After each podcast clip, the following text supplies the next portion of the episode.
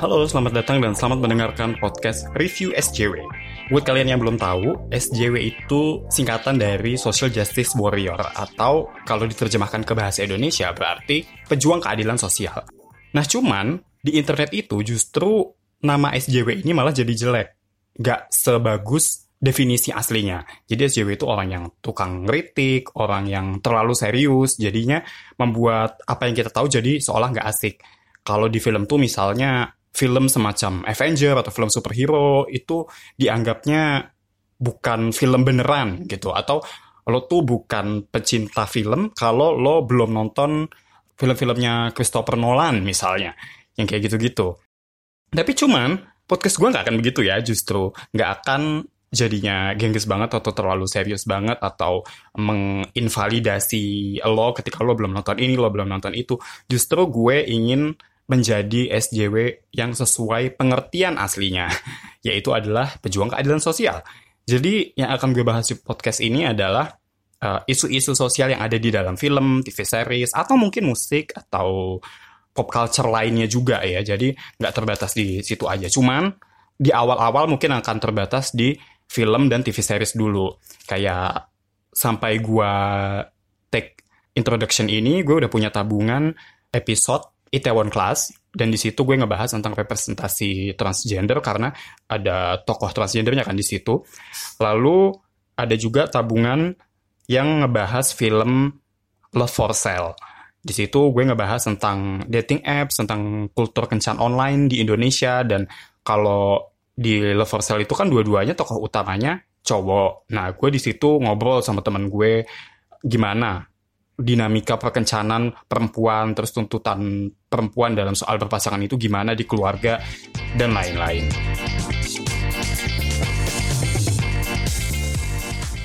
Podcast ini juga gue buat itu, jadi gue inget tahun 2018 itu waktu pas Crazy Rich Asians tayang itu ada seorang teman di media sosial yang gak mau nonton hanya karena film ini menurut dia tanda kutip kurang Asia karena di film itu cuma ada orang Asia kulit putih, which is Chinese.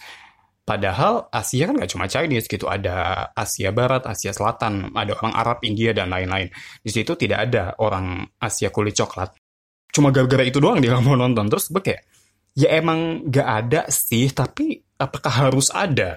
Gitu, karena kalau pas gue tonton filmnya, itu masuk akal juga sih, karena ibunya si Nick yang itu gue melihatnya di film tersebut dia memang sangat rasis. Bahkan si Rachel aja ketika diperkenalkan dia bilangnya uh, she's not Chinese enough gitu. Dia itu Chinese American gitu. Nah apa kabar kalau anggota keluarga yang lain kan? Termasuk ke bawahan-bawahannya gitu. Mungkin dia memang serasis itu dan tidak percaya dengan orang yang bukan Chinese.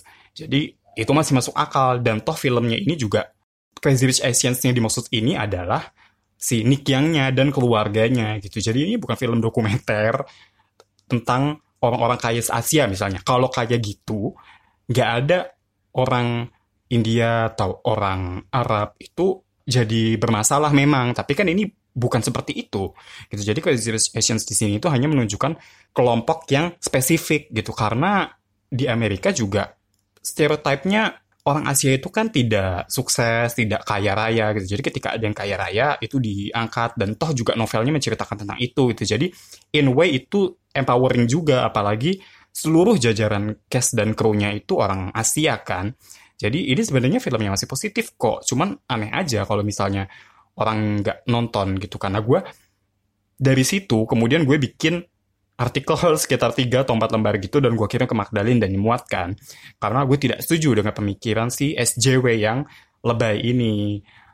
Terus, kalau nggak salah setahun berikutnya, itu gue nonton The Shape of Water kan. Terus gue posting lah review gue di Instastory. Terus ada yang bales. Dia bilang dia nggak suka sama film The Shape of Water. Terus pas gue tanya, kenapa emangnya? Dia kirim artikel yang berisi review film tersebut dari seorang yang disable, seorang yang juga bisu. Sama seperti karakter utama di film itu kan yang cewek. Menurut artikel itu, film The Shape of Water itu seolah-olah menggambarkan bahwa seseorang yang disable, yang berkekurangan, itu juga cocoknya dengan orang yang aneh gitu. Karena orang yang bisu itu kan juga masih dipandang aneh oleh orang-orang, masih dipandang orang yang kasihan, masih banyak orang yang uh, susah mengerti mereka. Dan mungkin ya itu ada yang menganggap mereka aneh lain dari kita lalu uh, mereka kita asingkan secara tidak sadar atau bahkan mungkin yang secara sadar dan terang-terangan ada. Dan si alien yang berwujud manusia ikan di The Shape of Water itu kan juga dibegitukan gitu. Lalu mereka menjalin kasih lah di situ. Seolah-olah mereka itu tidak pantas berhubungan dengan orang yang katakanlah tanda kutip normal, sehat. Padahal gue lihat di film itu nggak begitu penggambarannya itu sebenarnya. Dan juga kalau misalnya si orang bisu ini dipasangkan dengan orang sehat, itu belum tentu juga loh penggambarannya akan mulus, bisa jadi juga problematis karena orang sehat yang berdampingan dengan orang yang disable, orang yang berkekurangan, itu bisa jadi nanti kecenderungan ceritanya malah seolah-olah yang sehat ini jadi juru selamat, seolah-olah orang yang berkekurangan ini tidak bisa berdaya sendiri, jadi butuh ditolong, gitu-gitu kan. Dan itu sering terjadi juga kan di film. Makanya gak ada jaminan untuk seperti itu. Toh gue melihatnya malah The Shape of Water ini adalah film yang menjunjung tinggi apa ya perjuangan minoritas. Jadi ketika sekelompok minoritas itu bersatu, mereka bisa jadi semakin kuat dan berdaya. Di sini kan si tokoh utamanya itu kan perempuan bisu. Terus sama roommate-nya laki-laki lanjut usia yang gay. Sama rekan kerjanya yang perempuan kulit hitam dan ilmuwan Rusia. Dan itu kan settingannya kalau nggak salah sekitar tahun 40-an atau 50-an kan.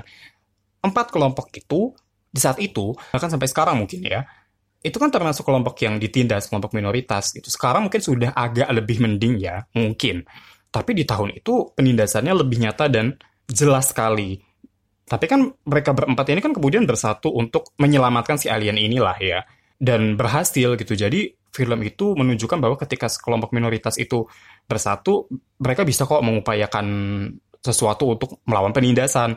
Itu yang gue lihat. Jadi tidak ada justru ya. Uh, apa yang dibilang di review tersebut, tapi mungkin berhubung ini yang bikin review juga orang bisu, mungkin dia jadi agak sensitif dan itu wajar juga sih kalau kita kan orang sehat mungkin kita tidak bisa melihatnya. Cuman teman gue yang nge-share artikelnya dia ke gue ini, dia kan juga orang sehat gitu. Masa dia nggak menganalisa lebih jauh sih artikel itu dan langsung setuju begitu saja. Dan kalaupun melihat, kalaupun udah nonton, masa ya langsung iya sesetuju itu gitu kan jadinya aneh aja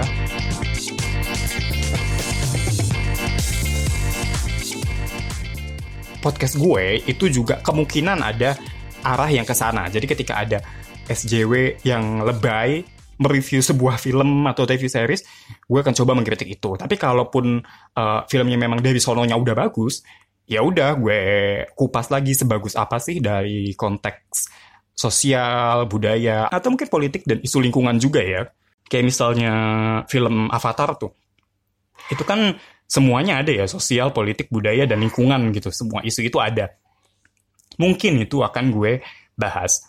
Harapannya sih supaya lo bisa melihat lebih dalam lagi bahwa film ini tuh jauh lebih bagus dari yang kita pikir atau sebaliknya lo pikir film ini bagus tapi jangan salah, film ini juga sebenarnya bermasalah loh, sebenarnya juga problematis loh, sebenarnya rasis, homofobik, seksis, dan mungkin lain-lainnya lagi.